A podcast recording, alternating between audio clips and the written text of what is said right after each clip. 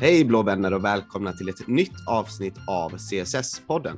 Den enda svenska Chelsea-podden skapad och manövrerad av Chelsea Supporters Sweden. Den enda officiella svenska Chelsea-supporterföreningen med platina-medlemskap i Chelsea FC. Så gå in och bli medlem och eh, bli en del av den svenska Chelsea-familjen tycker jag och tycker vi alla också. Eh, har du ännu inte hunnit lämna fem stjärnor på podden eh, så gör gärna det på både Spotify och Apple Podcast. Eh, det hade vi varit jättetacksamma över. Eh, framförallt om du tycker om innehållet som vi erbjuder er som lyssnar. Mitt namn är Patrik Petku och med mig i panelen idag har jag med mig Linus Sjöström. Tjena Linus! Tjenare! Hur står det till med dig? Jo, det är bra. Det är söndag, men ångesten har inte krypit på än. Så att, eh, det är skönt att det är mycket fotboll idag också som kan eh, rädda mig från det. Ja, skönt att Premier League är tillbaka. Verkligen. Ja. Och ja, vi har också med oss Viktor Lidvall som eh, har verkligen färska tankar kring matchen som spelades igår då mot Crystal Palace eftersom du tittade på den nu i förmiddags i repris. Visst gjorde du det Viktor? Jo, det stämmer. Eh, jag hade egen division 5-match igår som krockade så att jag fick göra hemläxan nu på, på morgonen istället. Härligt, då får vi hoppas att det är eh, djupa insikter du har fått här nu då. Um, vi ska gå igenom en hel del grejer. Nu var det ju länge sedan vi hade en eh, podd här som ni vet. Det har ju varit landslagsuppehåll, mycket har hänt, lite har hänt också. Eh, vi kände att eh, vi, eh, vi, vi, tar en match och kollar på en match så att vi kan få lite mer kött på benen angående detta nya Potter-Chelsea. Eh, så nu känner vi att nu har vi mycket, mycket content här för er som lyssnar och det vi ska gå igenom är eh, gårdagens match då mot Crystal Palace först och främst där vi eh, blir frälsta av ett vackert konstmål av Conor Gallagher i slutminuterna och vi snor med oss tre poäng kan man väl säga.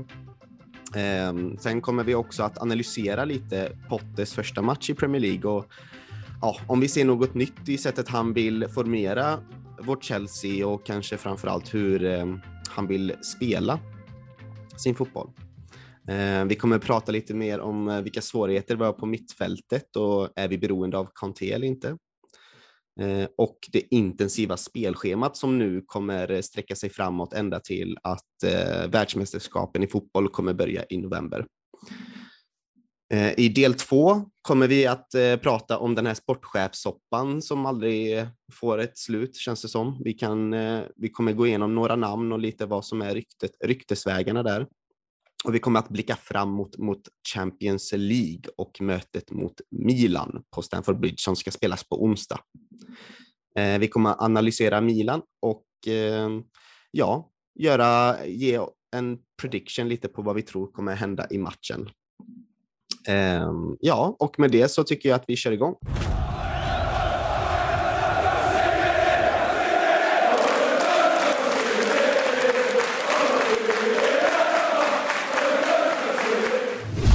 Ja, vi fick ju en, eh, till slut en Premier League-match som vi kunde njuta av efter två ja, postponade matcher på grund av drottningens död. Då. Och, ehm, ja, och vi mötte Crystal Palace på bortaplan där eh, ja, vi brukar ha lätt för Crystal Palace, eller lätt och lätt, vi brukar i alla fall eh, vinna mot dem. Eh, vi vet ju att, ehm, att spela mot dem borta är inte alltid det lättaste, men det skulle vara ett ett bra test för vårt lag och Potter att, eh, att ta sig igenom. Och vi tog med oss tre poäng till slut då, tack vare att eh, vi blev frälsta av Conor Gallagher när han gör sin, ska man säga, återkomst då till Sellers Park eh, på ett mycket vackert sätt. Um, och det som kanske jag tar med mig mest är att vi faktiskt vänder en match, Linus, från underläge. Det var, inte, det var länge sedan vi gjorde det. Ja, och det var ju psykologiskt viktigt att få det här 2-1 målet i slutet, för det såg riktigt dåligt ut eh, periodvis i matchen och det, det kändes faktiskt inte som att det vinstmål skulle komma. För det Gallagher gör är ju en prestation som krävs för att vi ska ta tre poäng i den här matchen, för vi lyckas inte komma igenom Crystal Palace på ett enkelt sätt. Så det var ju tre poäng som betyder väldigt mycket på sikt, tror jag också, även för Potters arbete och lite lugn och ro i skutan. Så jag tror att de här poängen kan nog betyda väldigt mycket på lång sikt också. Mm, jag fick också, jag delade det. Jag fick också känslan att det här slutar nog kryss eller så får vi det här typiska baklängesmålet i slutminuterna på någon hörna eller någonting. Men eh, ja, vi stod pall och eh, om något så visar väl det på karaktär. Viktor, du som har matchen eh, färskt på näthinnan här, hur, eh, hur ser du på, eh, hur kände du efter slutsignalen? Ja, men det, hade ju resultatet eh, klart i huvudet så att jag visste ju vad, hur det skulle sluta. Men eh, det satt, vi har ju som du sa så har vi en bra trend mot Palace. Eh, men det satt ju hårt inne i fjol. Eh, borta där så var det ju Ziyech som avgjorde väldigt sent då också. Det satt ju hårt inne även den här gången. Så de är ju ett väldigt bra lag under Vira. Mm. Eh, det, det, är svårt eh, att dra för stora växlar. Det är Potters andra match. Nu fick han väldigt mycket tid att förbereda sig i och med att det här dels landslagsuppehållet och så det ofrivilliga eh, frånvaron av matcher dessförinnan. Eh, ja, vi fick väl se tendenser till vad det är han vill åstadkomma. Det är stort övertag vad gäller bollinnehav. Eh, sen hade vi ju två forwards som var i stort sett osynliga Eh, hela matchen så att eh, det finns ju saker att jobba på. Så är det. Mm. Det är ju en match där vi inte spelar särskilt bra där. Jag delar ju eh, era tankar där och vi gör ju en något bättre första halvlek. Men eh, Crystal Palace växer ju in i matchen eller jag vet inte, det är kanske Chelsea som bjuder in Crystal Palace in i matchen genom ett ganska dåligt mittfältsspel, måste jag säga. Och ja, Potter agerar ju tidigt i andra halvlek och byter ut eh, Jorginho och in så kommer ju Loftus-Cheek. Um, ehm, så vi, vi vänder ju ändå matchen och tar hem de här tre poängen och det är kanske det vi, eh, vi tar med oss kanske allra mest då. Men eh, vad, vad, vad, tycker ni om just prestationen av eh, vårt mittfält? Det, det, det kändes ju som att det var ju där vi, vi tappade dominansen och när vi väl hade den. Ja. Uh, Jorginho var inte alls bra och Kovacic var ju helt ur slag. Uh, vilket var riktigt deppigt. Alltså, det brukar ju kunna vara han som låser upp sådana här tajta matcher med sina våldtransporter och går på eget initiativ. Så att han har ju sett väldigt bra ut när vi haft det här eh, tvåmannamittfältet, att han trots en djup utgångsposition kan eh, vara så kreativ som han är. Men eh, det var ju i stort sett helt frånvarande den, den här matchen. Det, som sagt, om vi ska prata Kanté så Ja, eh, vi kommer in på Kanté där. Vi kan ju berätta hur vi, eh, hur vi väljer att starta där. Det, den, de, Potter gör ju två förändringar från matchen mot eh, Salzburg då, där han tar in eh, Fofana och Chilwell istället för Cucurella och Aspi. Annars är det ju Kepa i mål, Reese, Fofana, Thiago Silva, Ben Chilwell som formerar en fyrbackslinje som det ser ut som då. Eh, och sen på mittfältet hade vi Kovacic, Jorginho, Mount Eh, då, för han droppade ju ner lite och blev, ibland, ibland blev en tia. Och sen hade vi Havertz som också någon slags flytande tia eh, och Aubameyang och Sterling på topp då. Så det, ble, det blev någonstans en 4-2-2-2, ibland var det 4-2-3-1, ibland var det och det, det är väl de tendenserna jag tar med mig, det är ju att Potter har ett väldigt flytande anfallsspel och det var ju någonting vi försökte på där med i slutet av Tuchels era. Men var det någon eh, var det någon spelare som stack ut eh, för dig Linus i denna matchen? Som gjorde en bra match utav dem jag nämnde här precis?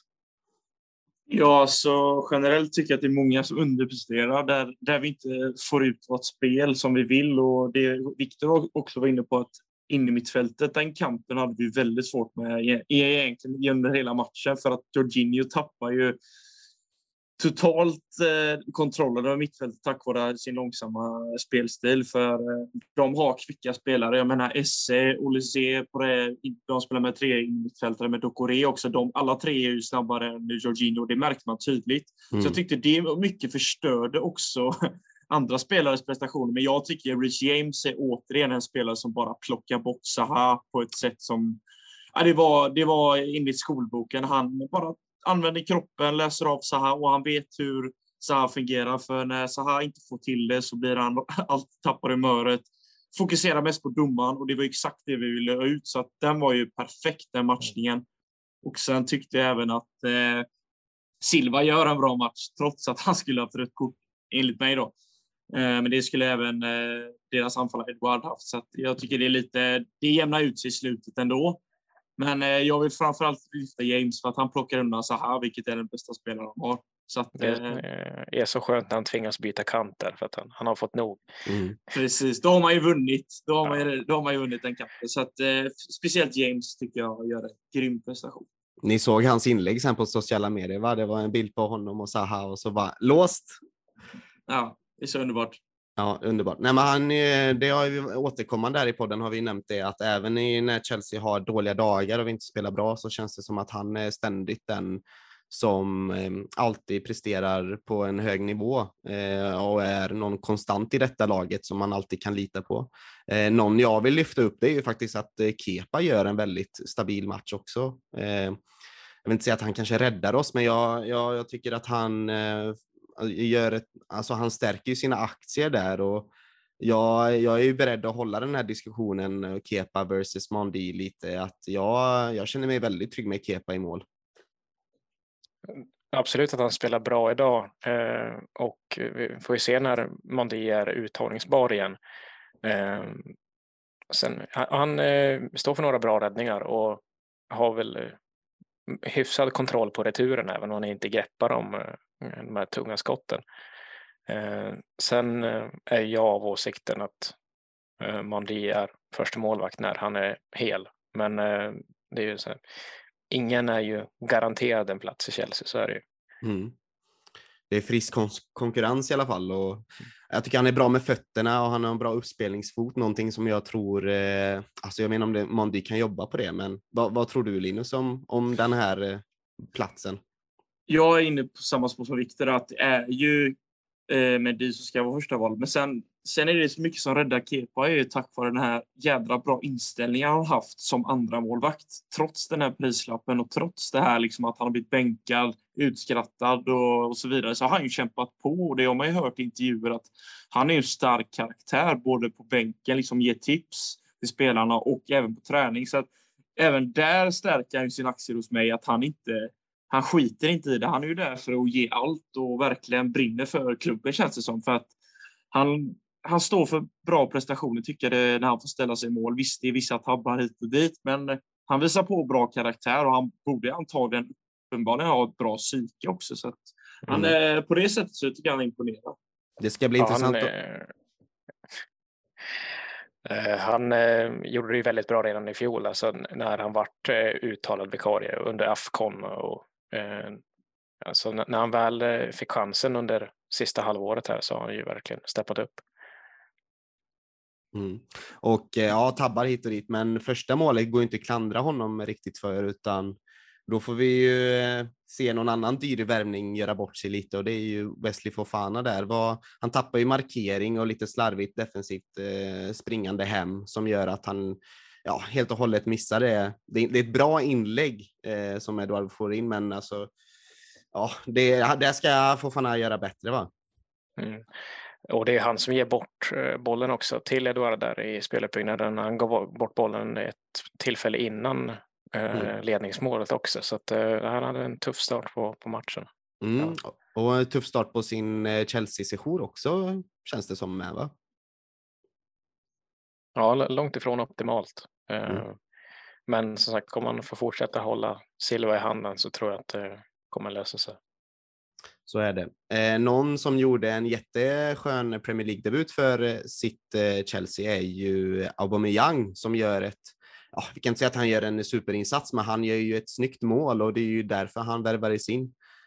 Um, nu är det ju tur att Silva är kvar på plan då, kanske man kan tycka då, men när han vinner den här nickduellen mot Nathaniel Klein som gör att ja, att eh, bollen dipper ner i boxen och han på liksom halvvolley snurrar sig bort från sin försvarare och eh, skjuter in den snyggt det gör ju att man, eh, ja men det osar ju klass över det, över den aktionen.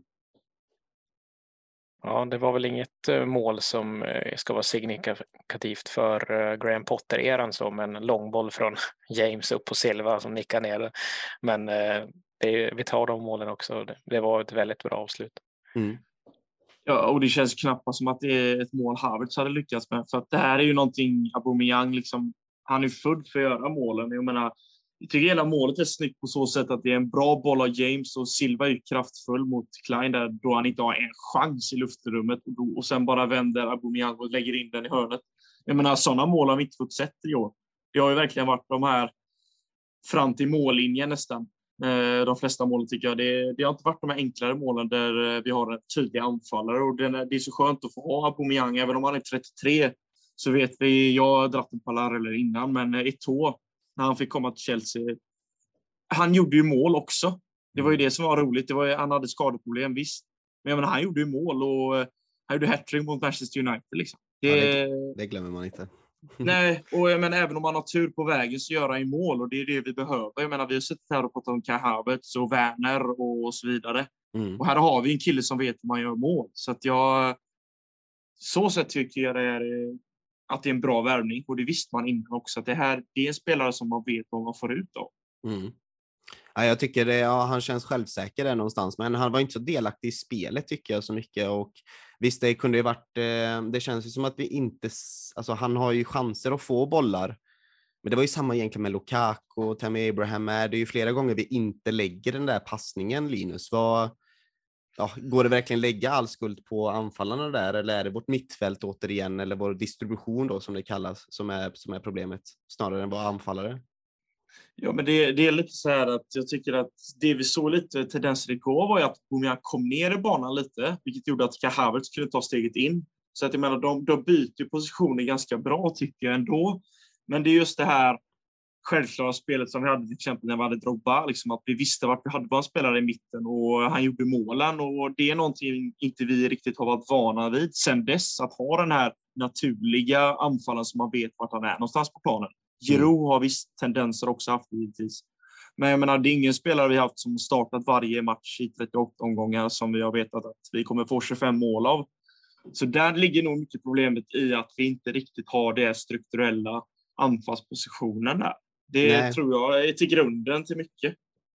Precis, det var väl eh, Mourinho som introducerade mig i ung fotbollsålder om att hur viktigt det var att ha en ryggrad i, i ett lag. Liksom. Och den, eh, ja, den senaste ringgraden vi hade var väl eh, Matic, eh, David Luiz, Courtois och Diego Costa kanske som var riktigt tydlig då för mig.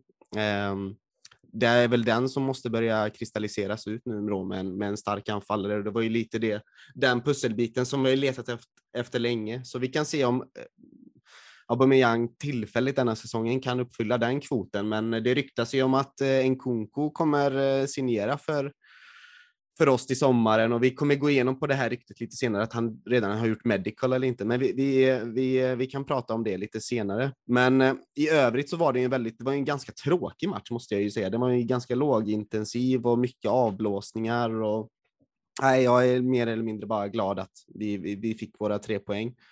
Men vad, vad tycker ni om Potter? Ser ni någonting nytt i sättet vi vill spela som eller har han hunnit göra någonting? Du sa ju det Viktor, att det är väldigt tidigt in och visst, han har fått mycket tid på sig, men kan du se några tendenser? Du sa att du såg någonting i alla fall och vad är det du ser i så fall? Ja, men det, själva formationen hade vi som sagt eh, sett eh, eh, glimtar av under Tuchel också när han experimenterat med fyrbackslinjen så var det någon slags 4-2-2-2 som ofta var utgångspositionerna. Eh, Potter är ju inte rädd för att använda spelare lite för de okonventionella positioner. Mm. Eh, saken är den att nu är han ett lag där det finns sån kvalitet att han inte behöver göra det. Att det, det finns eh, kvalitet på precis varenda position. Mm. Det vi såg lite grann när Loftus kom in var ju att man flyttade upp Reece James ännu mer så att han Eh, han vart ju, det var ju mycket med så här att han fick ta upp den, den defensiva eh, rollen eh, tidigare i matchen. Men alltså, det, det är ju en bolltrygghet som, som eftersträvas. Men samtidigt, det var inte så olikt från det vi har sett med, med Tuchel mm. egentligen, just mot Palace här det, det var ganska chansfattigt. Det krävs mycket individuella prestationer för att det ska komma till, till lägen. Så att är någon, någon riktig struktur eller det Potter vill uppnå, det vet jag inte om jag såg så mycket av eh, eh här igår. Mm. Jag, kan, jag såg ju hur han använde, jag tyckte ju om den eh, positionen som Sterling hade som utgångspunkt i Salzburgsmatchen. Jag tycker det passade hans kvaliteter väldigt bra, hur han Eh, kom in och utmanade eh, från vänsterkanten och sen droppade in inverterat sådär in, in i straffområdet. Nu huserade han till en början på, på högerkanten och det var ju förmodligen för att ja, man, man har väl identifierat att eh, Wilfried Zaha inte hjälper till så mycket i försvaret. Eh, förmodligen, men eh, han byter ju kant sen. Jag tror det är väl någon gång i andra halvlek. Ja, eller är det efter den skadan som Nathaniel Klein får? Han, eh, han byter kant där. Så det var ju också intressant att se att man, man har ändå valt att, att tänka på det, att man inte tar någonting som fungerade i, i Salzburg-matchen och försöker bara replikera det, utan att han, han tar match för match och han är lite av en ja, man, man brukar väl säga det, eller journalisterna säger det, att det är svårt att förutspå en, en Potter-elva eller en Potter-formation och det är väl kanske det som vi börjar få se provet av. Ja, och jag tänker ju lite också att det är ju svårt för när vi har plockat in så här många nya spelare och de kommer in och övar på en idé med Torshäll och då får han sparken så tidigt. Då blir det också det känns som att många av de här nya spelarna har inte hittat rätt än och det är helt fullt förståeligt. Jag menar, om jag vet plus en ny tränare som också måste hitta sin idé och sin struktur på laget. Så jag menar, vi är fortfarande under ombyggnation och det är, det är något tålamod jag känner fortfarande över spelet. Att det, det kanske inte sitter så bra hittills. Det gör det inte uppenbarligen. Vi har ju tappat mycket poäng, men jag menar på lång sikt kanske ge oss tio omgångar till så kanske det är ett mycket tydligare spel och där även de här nya spelarna har kommit in på ett mycket bättre sätt. För jag menar, mm det, inte, det, spelar ingen roll hur mycket pengar du är värd och hur duktig du är. Du, du, måste ändå, du ska byta miljö, du ska byta klubb och jag menar Chelsea har gjort om hela strukturen i både i klubben och på planen så att det är inte direkt att det finns mycket rutinerat så sätt att de har varit i klubben länge. Det är Aspi och han startar inte just nu så att Nej. Ja, det, det finns mycket man kan peta på, men jag tycker också det är en aspekt man kan ta in att att det är mycket nytt och Torshäll har liksom lämnat efter sig en trupp där många spelare inte riktigt vet vart de befinner sig på planen just nu, tycker jag.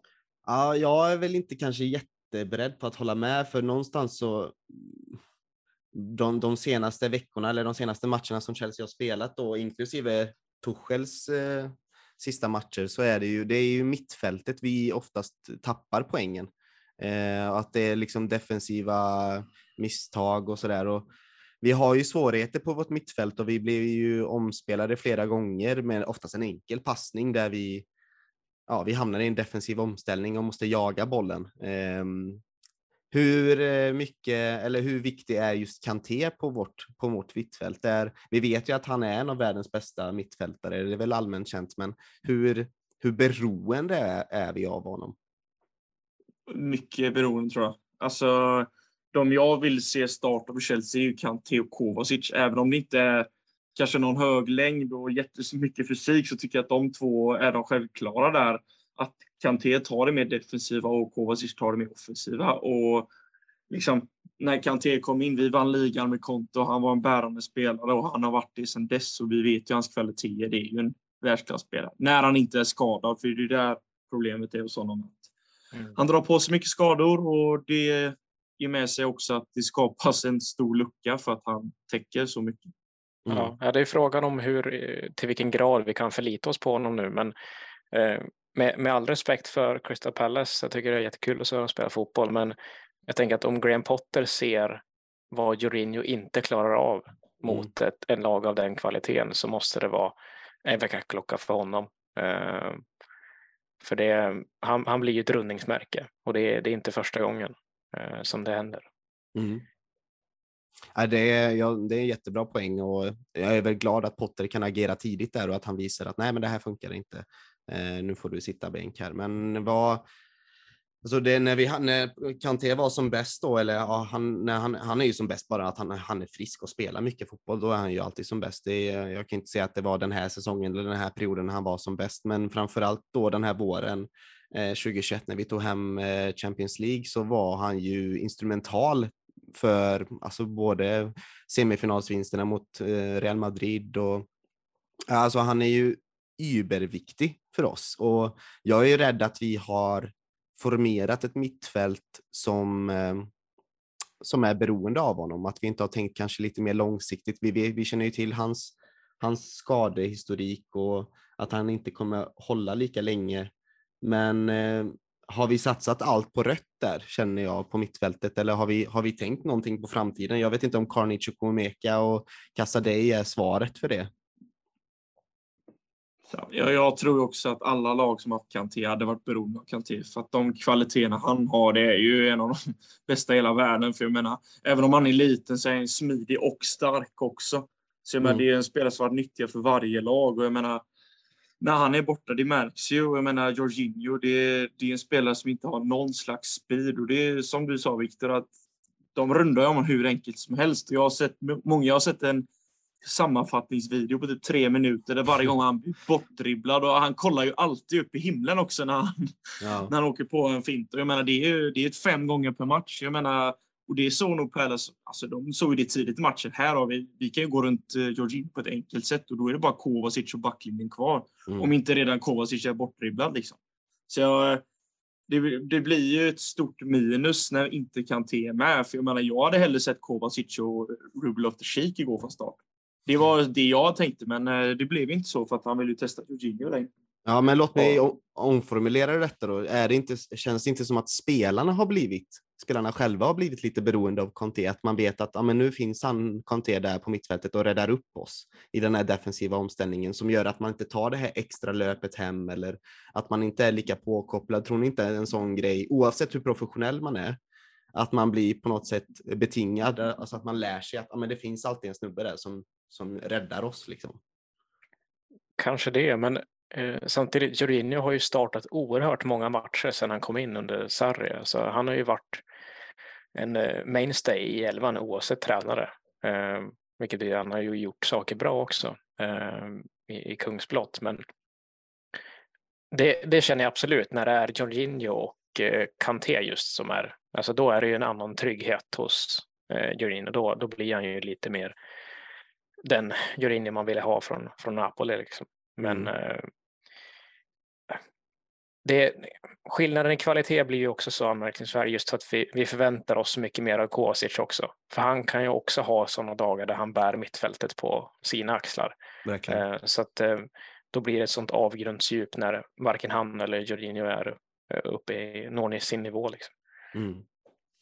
Ja, då får vi tacka att, eh, vi, att vi hade Conor Gallagher och gör det snygga målet och, som räddar oss. Men vi har en intensiv eh, period nu då fram till VM. Eh, ja, det är ju skönt att vi börjar denna intensiva perioden med, med en vinst och tre poäng och förhoppningsvis kan vi skapa något slags momentum på det och bygga vidare på det. Men jag vet inte om det här spelschemat är hyfsat snällt också. Jag låter väl er avgöra detta. Vi har ju Milan. Nu pratar jag bara oktober här nu då. Vi har Milan, Wolves, Milan, Aston Villa, Brentford, United, Salzburg och Brighton. Det kunde väl ha varit lite värre i alla fall för Potter, eh, ja, på Potters första höst. Ja, det alltså. Man kunde börjat mycket värre givetvis. Eh, de två matcherna du läser upp, tre egentligen. Alltså jag menar Milan jag, jag kollar en hel del Serie A och Milan är ett lag som presterar bra och dåligt. Det är lite som oss, så att vi, det känns som ett oviss match på förhand. Och sen om vi kollar på United-matchen, vi vet inte riktigt vad man har United heller. De ska möta City idag. Det blir en rejäl värdemätare för dem. Och eh, de har ju varit upp och ner denna säsongen också. Men Brighton skulle jag ju säga att det är nog den svåraste matchen just nu, för så bra de spelar och eh, det spelet de visar upp mot topplagen, det är ju det är skrämmande bra. Mm. Och på det sättet, de tappar spelare, de ersätter med lika bra och som säljs för stora pengar. Så att de jobbar ju på helt rätt sätt. Och kollar man på matchen du gjorde mot Liverpool igår så eh, då ska man se upp. För det där var, det var en riktigt hög nivå på Brightons spel igår, både defensivt och offensivt. Trossard gjorde ett hattrick så att det säger någonting. Och senaste spelaren som gjorde det på Anfield, det var ju Arshavin när han gjorde fyra. Så att det är inte alla som gör det på Anfield. Ja, jag kommer vara på plats när eh, Chelsea tar sig an Brighton här. Eh, Härligt. sista oktober. Så att, eh, nej, men jag tror att det kan vara helt rätt tid att möta Milan. De har ju minst nio ganska tongivande spelare borta, mm. eller mer eller mindre tongivande spelare borta. Målvakten Magnan, Hernandez, Sälemakers, Calabria och Kjär försvann igår. Precis. De vann ju ganska planenligt mot Empoli då. Eh, men det satt ju, de gjorde också två mål på stopptid. Så att, nej, men de ligger med där i toppen i Serie A. Mm. Men som sagt, med tanke på skadeläget så kan det ju vara, vara rätt vecka att möta dem. Mm. Innan vi går in djupare på Milan där i, i del två så tänker jag just spelschemat. Är detta någonting som är till Potters fördel eller nackdel tror ni? Eller speciellt när man ska bygga ihop ett, ett lag, tror ni det är bra med mycket intensiva matcher på en gång? Ja, från och till kommer man i ett momentum och han börjar vinna matcher så är det ett jättebra spelschema. Eh, men samtidigt kan det gå andra vägen också när det är så tajt att kommer du in i dålig form och så börjar det svaja direkt, då kan det ju gå riktigt illa också. Så det är så svårt att säga måste jag säga. Det är, det är så många ovissa matcher i mina ögon där eh, det kan gå vilket håll som helst. Så att, mm. ja, det, det, det beror helt på hur vi får starten på oktober. Får vi en bra start så kan det gå riktigt bra, men det kan gå andra vägen också tror jag. Mm. Det är som att vi har ett lite för tidigt decemberschema nu med mm. tanke på, på VM här. Uh, så att, ja, men det är en härlig period för, för oss supportrar. Det är mycket som står på spel, men det är mycket som står att vinna också. Verkligen, och det är precis som du är inne på Viktor, det är ju det är ju så för alla lag också. Det är ju inte bara vi som kastas in i det här hårda spelschemat, det är ju alla lag i Premier League och så det, det, det kommer ju göra att den här säsongen blir väldigt oviss eh, och väldigt svår att, eh, ja, att spå fram helt enkelt. Så nej, men det ska bli jättespännande och framförallt mäta sig mot ett eh, hyfsat stort europeiskt lag eh, redan på onsdag eh, i Milan. Eh, men vi kommer prata mer om det i del två som jag tycker vi hoppar in i nu.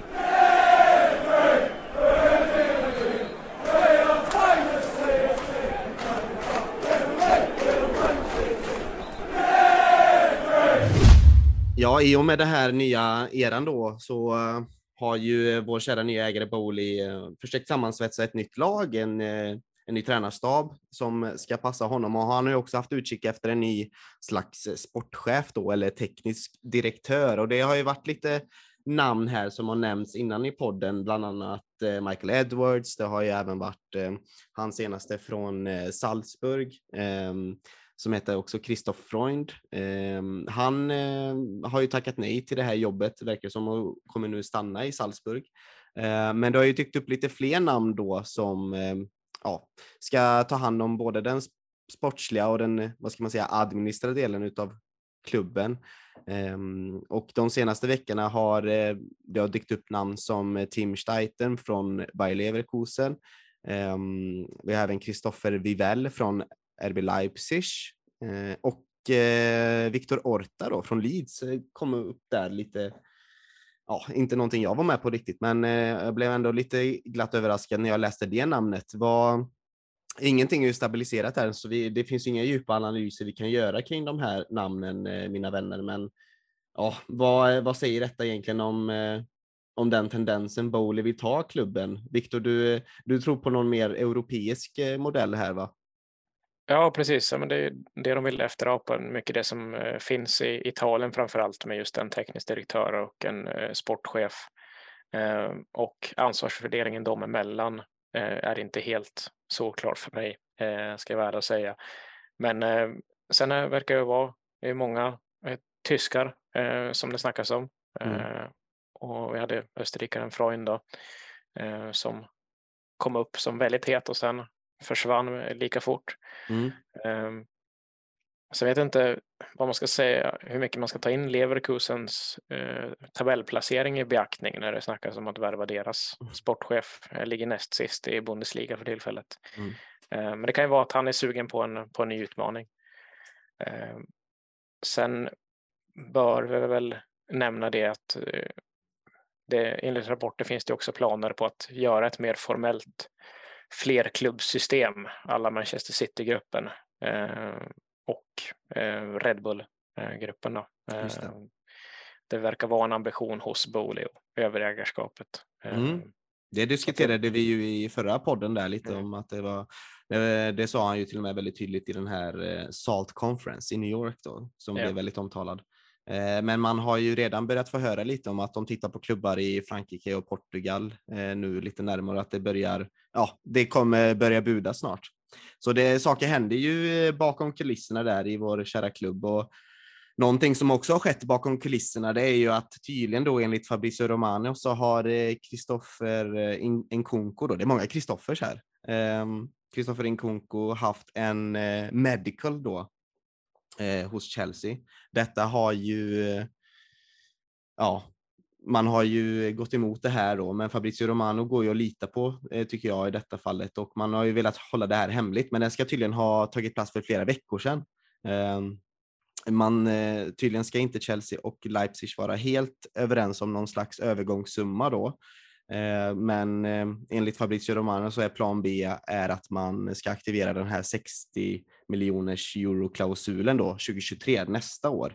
Ehm, och det är lite luddigt det här nu om han kommer komma nu till vintern eller nästa år, men Ja, vi nämnde ju det tidigt i podden att vi kommer inte kunna lita på Aubameyang resten av våra liv i alla fall, utan det kanske blir denna säsongen och någon säsong till. Så ja, att man går efter Kristoffer Nkunku känns ju ändå logiskt, men eh, man kan ju undra varför han inte blev klar tidigt i, i, i somras om det nu var, om det nu, om de här nu ryktena stämmer.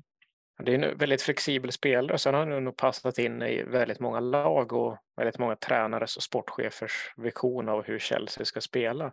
Eh, samtidigt är det lite oroväckande att eh, vi fortsätter göra sådana här dealer och, pre-arrangements innan en sportchef faktiskt är på plats. Jag kan känna att vi har en väldigt bred trupp nu. Vi kan, kan ju hejda oss lite grann innan tills det att den positionen faktiskt är tillsatt. Mm, intressant att veta vem är det som gör de här dealsen? Är det Bowley själv som flyger runt och, och hafsar sig fram i Europa? Det verkar ju vara ganska handfast eh, styrning från honom än så länge. Han verkar ta det här interim-giget på allvar. Ja, precis. Ja. Linus, är det, är det en Konko ett namn du går igång på? Han gjorde väl två mål nu i helgen igen? Ja, det är som Viktor sa, att det är en flexibel spelare som kan både spela anfallare och ytter, så och han är ju vindsnabb också. Och har ett bra skott tycker jag. Han gör mycket mål och eh, det har varit en spelare som jag tycker hade passat in väldigt bra eftersom att vi varierar väldigt mycket och byter plats på spelare så hade han kunnat varit en bra spelare att både spela anfallare och även nyttigkant och ta sig mm. in i banan. Så att eh, ja, man skulle passa bra och jag tänker det med Bowley med ägarskapet där. Han måste ju han säger att han alltid han tar en middag och så diskuterar han olika spelare och han måste nog vara ganska proppmätt nu för att eh, det är ju ett och annat namn som eh, har kommit upp på tapeten om man säger så. Ja, han låter väldigt hungrig onekligen dock. Ja, ja jo tack, det, det är han nog. Ja. Mm, alla behöver äta. Ja. Ja, men jag, gillar Nkunku just för att han, eh, ja men du vet en bra ålder, det är en, får vi honom på ett hyfsat långt kontrakt så är det ju någon man kan kanske bygga ett anfallsspel kring i, i, i framtiden då. Men ja, eh, ingenting är ju skrivet i sten eh, eh med den här dealen än och eh, vi får se helt enkelt vart det leder. Men Fabrizio Romano nämner att det är en klar medical och att eh, ja, siktet är inställt och att spelaren och klubben verkar ha kommit överens eh, av någon, på något slag så känns det hyfsat roligt. Men vi har ju alla anledningar att komma tillbaka till det eh, i en annan podd i framtiden. Eh, jag tycker vi blickar framåt mot eh, Milan-matchen på Stamford Bridge som ska spelas på onsdag. Eh, och vi möter ett Milan som, ja, de ligger väl, ska vi se, de ligger väl trea i ligan Eh, de slog eh, Dinamo Zagreb senast i Champions League och de, precis som du var inne på Viktor, så slog de ju också eh, Empoli i, i lördags. Vad, vad har vi detta Milan nu då med många skador och så? De är ju Serie A's, det var ju de som vann Serie A förra året. Ganska, inte mirakulöst vill jag säga, utan men det var väl lite oväntat kanske att de vann det nog när Inter kanske var favoriter att ta hem scudetton. Men eh, ja, Milan visar sig ha något häftigt projekt på G där och de har ju många intressanta spelare som ehm, bland annat en spelare som vi är väldigt intresserade av, Rafael Leao, som gör, ehm, ja, ständigt har fina prestationer i klubben. Men vart har vi Milan idag då, Viktor? Ja, det är intressant just med, med att det kom till tre nya skadade bara eh, igår. Eh, sen vet man inte hur snabbt eh, eller hur lång tid respektive spelare kommer vara borta. Eh, men vi i Sverige vet ju att eh, Zlatan är otillgänglig sedan en eh, bra tid. Men även, vad ska jag säga, spelare nummer två bakom Leao eller om han kanske är lagets bästa spelare, Theo Hernandez borta, Florenzi borta, Origi är Milan nu, han är borta. Sälemäkers, Calabria och Kjär var det då som lämnade med skador igår. Eh, mm. Och Junior Messias är också eh, skadad. Så att eh, jag vet inte om vi ska börja förutspå någon slags elva vad de kommer för, formera, men de, kommer ju ändå trots allt ha Leao och Giroud som, som leder anfallet, så att det är två spelare i form trots allt. Ja, visst börjar ni känna det. Jag, du nämnde det lite innan Linus, att du kollar en del på Serie A och det ska jag välja att det gör jag också och Milan intresserar mig av många olika anledningar, bland annat Tomori och Zlatan och eh, nu Giroud också och eh, sen att de har ett intressant eh, projekt på G verkar det som. Men visst är det, visst känner man lite, fan varför sålde vi Giroud när man ser honom prestera så bra där? Ja, och det, det kommer inte, ingen överraskning för man vet ju alltså när Giroud får spela då gör han i mål och det är både cykelsparkar och enkla mål och det gör han även i Milan. Jag menar, när de vann ligan förra året, han var en av de spelarna som gjorde de här tunga målen där framme. Och eh, en sak jag vill lyfta där, liksom när Zlatan kom in i Milan, de här, många av de här spelarna var i truppen. Men mm. ingen var ju i form egentligen. Jag menar, Leao, det var en ung spelare som inte fick ut sitt fulla jag. Liksom. Han gjorde inte så mycket poäng. Men när väl Zlatan kom in och liksom, man har läst lite intervjuer med Leao också, att det är Zlatan är en sån jädra viktig karaktär utanför planen, så han har ju lyft många spelare.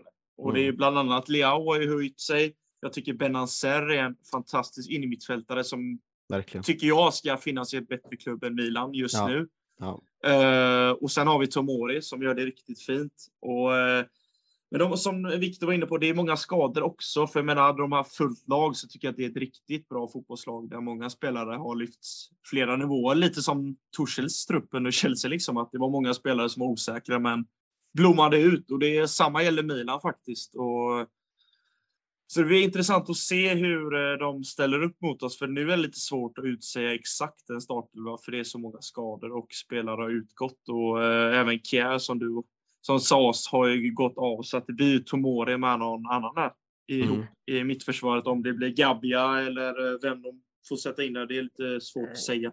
De klar, kanske då? Ja, Kalulu. De ja. klarade sig nästan mestadels av förra säsongen utan Simon Kjär eh, ja. tillsammans med Tomori och Kalulu. De gjorde ett jättejobb tillsammans. Och, ja, jag, tyckte, jag tror nog Simon Kjär behövde kämpa sig tillbaka en startplats där, även fast han är kapten och given etta där. Men jag tycker det var ett solitt eh, mittbackspar förra året, Kalulu och Tomori.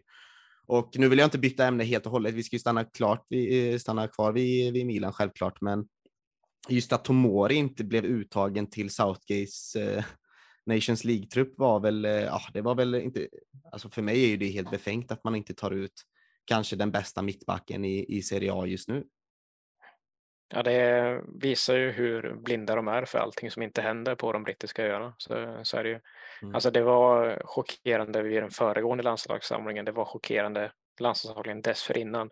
Men mm. att nu då när VM faktiskt närmar sig, att, eh, och särskilt med formen på övriga mittbackar som finns att tillgå, ja, det är helt otroligt faktiskt.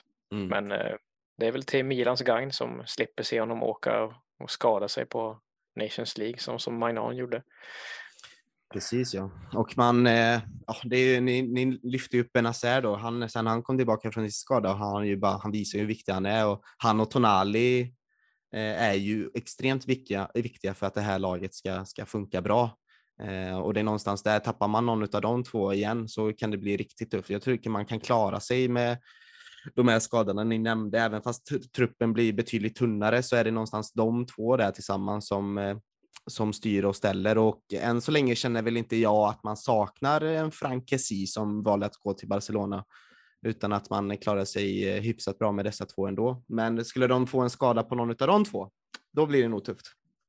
Mm. Men äh, säg att det är äh, Serinho Dest som kommer in på högerbacken nu då när det är så många skador. Är det en, svaghetslänk som vi kommer kunna utnyttja där på Chelseas vänsterkant eller? Ja, Linus, var, jag kan ta den, men jag, jag känner väl att Sterling eh, vi kan väl eh, Sterling kan väl utnyttja vilken spelare som helst tror jag om han bara har en bra dag. Ehm, det är väl bara de här eh, liksom Dani Alves i, sin prime som förmodligen skulle kunna ta Sterling när han har en bra dag kanske. Eh, eller en Zanetti kanske, men Sergino Dest skrämmer mig inte så mycket. Nej, delar offensiva delar jag tycker Dest är mer kapabel till, men i defensiven så kommer vi kunna utnyttja det på ett tydligare sätt tror jag. För eh, det är en spelare som visar upp som jag. Man såg lite i Barcelona, men det var ju mest det offensiva spelet där han sitter i sina kvaliteter. Så det defensiva har han ju problem skulle jag säga. Mm. Ja, Calabria är ju bättre. Eh, kan ja. ju se. Ja.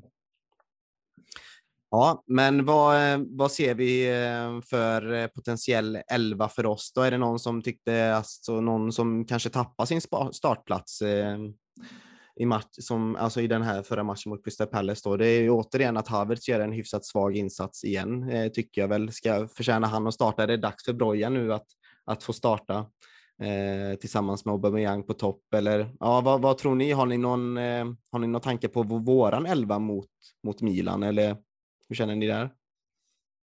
Jag tror som sagt att eh, i och med nu startar ju Jorginho med kaptensbindeln här Ehm, senast är ju vice kapten fortfarande, men eh, det finns all möjlighet att eh, han eh, petas. Ehm, tror mer på Loftus-Cheek än Gallagher bredvid Kosic, även om kroatens form inte heller säga, måste betyda en startplats så tror jag ändå han kommer vara där.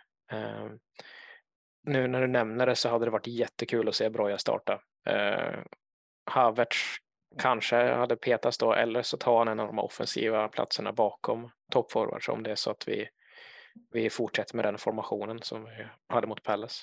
Mm. Linus, är det någon, eh, någonting du ser där?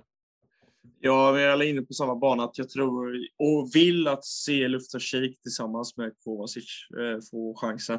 Sen har jag en jävla känsla, och jag vet inte varför var det, men det är så klassiskt att om Pulisic får starta istället för Howard. Jag vet inte varför. Men ibland så bara kommer han ju upp i startelvan och det kan lika väl vara en sån här match där han får chansen. Nu fick jag ju en assist här senast, men det för ibland bara då, även Ziyech är också en sån spelare som från ingenstans kan få. Men det, jag har en magkänsla av att Pulisic kanske kan eh, ta Kahavis plats tack vare det här. Jag tycker ändå lite friska inhoppet, även om det inte var så jättemånga tendenser så visar jag faktiskt fram med den assisten att han tar sina gubbar och eh, tar sig förbi på ett elegant sätt. Jag, menar, det, jag har mycket svårt för Pulisic, men det, vi får ja. se. Men annars så tror jag liknande elva som vi ställde upp. Han gillar ju Champions League också, Pulisic. Ja, det gör han faktiskt. Mm, och att skriva böcker har jag hört också. kanske ja. lite tidigt i ens karriär att börja skriva böcker, eh, tycker han, jag. Han, han, han, ser redan att gå ut för så att han... Eh, ja, han passar på. Han passar på medan han har ett namn. Nej, men vi ska väl inte vara för hårda mot Christian Pulisic, eller det har vi väl varit eh, väldigt många gånger i detta podden. Men ja, det är ju det är ju så nya tränare, nya möjligheter och det är inte första gången det har varit en spelare som är i någon slags frysbox som blir återupplivad på grund av en ny tränare. Så vi får se hur han, eh, om han tar någon plats eller inte. Det gäller ju även Siers då, även fast det känns som att han inte tillhör klubben längre, utan man ser bara honom i i de här Chelsea-videorna på Youtube när man ser ja, lite träningar och man säger Chelsea unseen, då ser man, oj just det, Hakim Ziyech som är där. Ja, just det och sen när man filmar bänken lite. Men när vi kommer tillbaka till Champions League nu, vi är ju lite pressade där. Va? Vi har ju en poäng efter två matcher. Eh, det är ju den sämsta starten på en Champions League-gruppspel sedan eh, 2001, om jag minns rätt. Så vad, mm, har vi någon chans där? Vi måste ju slå Milan nu i, det här dubbel, i båda mötena egentligen eh, för att hans kunna ha en chans att ta oss vidare. Jag, alltså jag, jag spelar ju hellre ingen europeisk fotboll än att gå och bli trea och spela Europa League, eller känner ni likadant? Ja, egentligen, men eh, det är ju inget vi ska behöva tänka på. Det är en jättetuff tuff uppgift att ta sex poäng av Milan, men det är ju det vi måste gå för. Så mm. Och skönt att få börja på, på hemmaplan i det avseendet. Ja, och det håller jag med Viktor att det är nog jävligt viktigt att börja hemma på Stamford Bridge. För jag menar, backar vi bandet förra säsongen när vi gör matchen mot Juventus på hemmaplan så är ju det den bästa matchen i, min, i mina ögon den säsongen. För vi spelade så jädra bra och Reece James var ju på toppen av sin karriär den matchen. Och, mm. vi tryckte verkligen ner italiensk fotboll i halsen på dem att eh, det fungerar inte mot de engelska lagen för att det var en sån fruktansvärt bra prestation. Och det hoppas jag att vi kan igen göra mot eh, Milan här nu för att så bra vi spelar mot Juventus. De ser ut som att det var ett eh, mediokert lag. Liksom. Det var, ja. De hade ingen chans. Så att, ja, vi får hoppas på det. De känns fortfarande som att de är i någon slags baksmälla efter den matchen än idag. Eh, de presterar ju otroligt dåligt och Allegri är inte någon eh, rolig tränare att titta på. Men ja, vi får se. Vi, alltså det kan ju bli ett litet getingbo i den här grupp, i grupp E då. Om, för just nu har ju Milan fyra poäng, Dinamo Zagreb på tre och Salzburg på, med två kryss har två poäng. Eh, och vi i Chelsea har ett poäng. Så det kan ju bli, det kommer också bli spännande här och det är mycket ödesmatcher här. Det, de närmaste, vi gick igenom spelschemat där tidigare i del 1 och ja, mycket av säsongen kommer ju att avgöras de här matcherna och framförallt kanske redan denna månaden.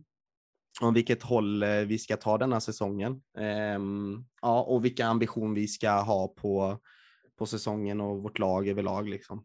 Så vi får se, det blir spännande. Har ni några avslutande ord om, om Milan-matchen och eh, läget i Chelsea överlag? Hur, hur känner ni? Nu har det ju det har ju hänt väldigt mycket, men det har ju hänt väldigt lite samtidigt. Det har ju gått mycket tid nu sedan sen Tuchel blev sparkad och vi har fått in Potter och hela det här ombygget har eh, börjat eh, ja, få sina första knoppar helt enkelt. Är det, vad är liksom nulägesrapporten i era Chelsea-hjärtan?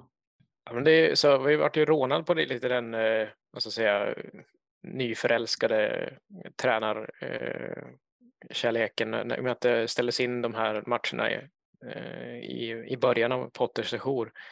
Eh, men jag känner ändå, jag ser på tillförsikt eh, på framtiden. Eh, och alltså, vi vill ju att det ska gälla saker. Det är sådana här matcher som Chelsea ska spela, alltså Stamford Bridge under strålkastarna liksom, eh, mitt i veckan. Det, är, det blir inte bättre. Och Potter har, måste jag säga, hans karriär, det är bara att gå upp, upp, upp hela tiden. Han svarar på varje utmaning, varje ny nivå med att ja, göra det galant helt enkelt. Så att jag, ja, jag, jag förblir optimistisk.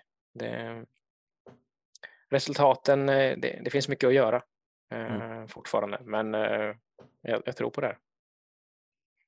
Linus? Ja, alltså det, det är alltid roligt att följa Chelsea som vi alltid är inne på. Att det, det, det är saker.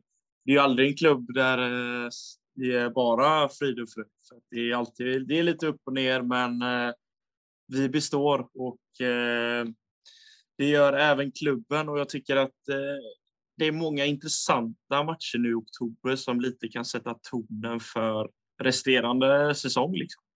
För jag menar, gör vi en, kommer vi ur oktober starkare än vi var tidigare, där vi tar poängen mot Milan, eh, tar lite mer eh, höjd i Champions League-gruppen och vinner i Premier League så tror jag att både vi som fans och spelarna känner att fan, det här kan bli en ganska rolig säsong. För jag menar, den är inte över. vi är i oktober, så jag menar, det finns mycket poäng att spela om och det är bara att kolla i toppen av Premier League. Det är många som tappar poäng. Så det är inte bara vi som har underpresterat. Jag menar, Spurs står för en otroligt dålig prestation mot Arsenal. Eh, där Arsenal är, spelar väldigt bra fotboll, men jag menar City har tappat poäng, Liverpool har tappat poäng. Så så sätt har vi inte halkat efter tycker jag. Så att, eh, jag ser också det som det är positiva tider och eh, det ska bli intressant att följa hur vi tar oss an dessa utmaningar nu i oktober.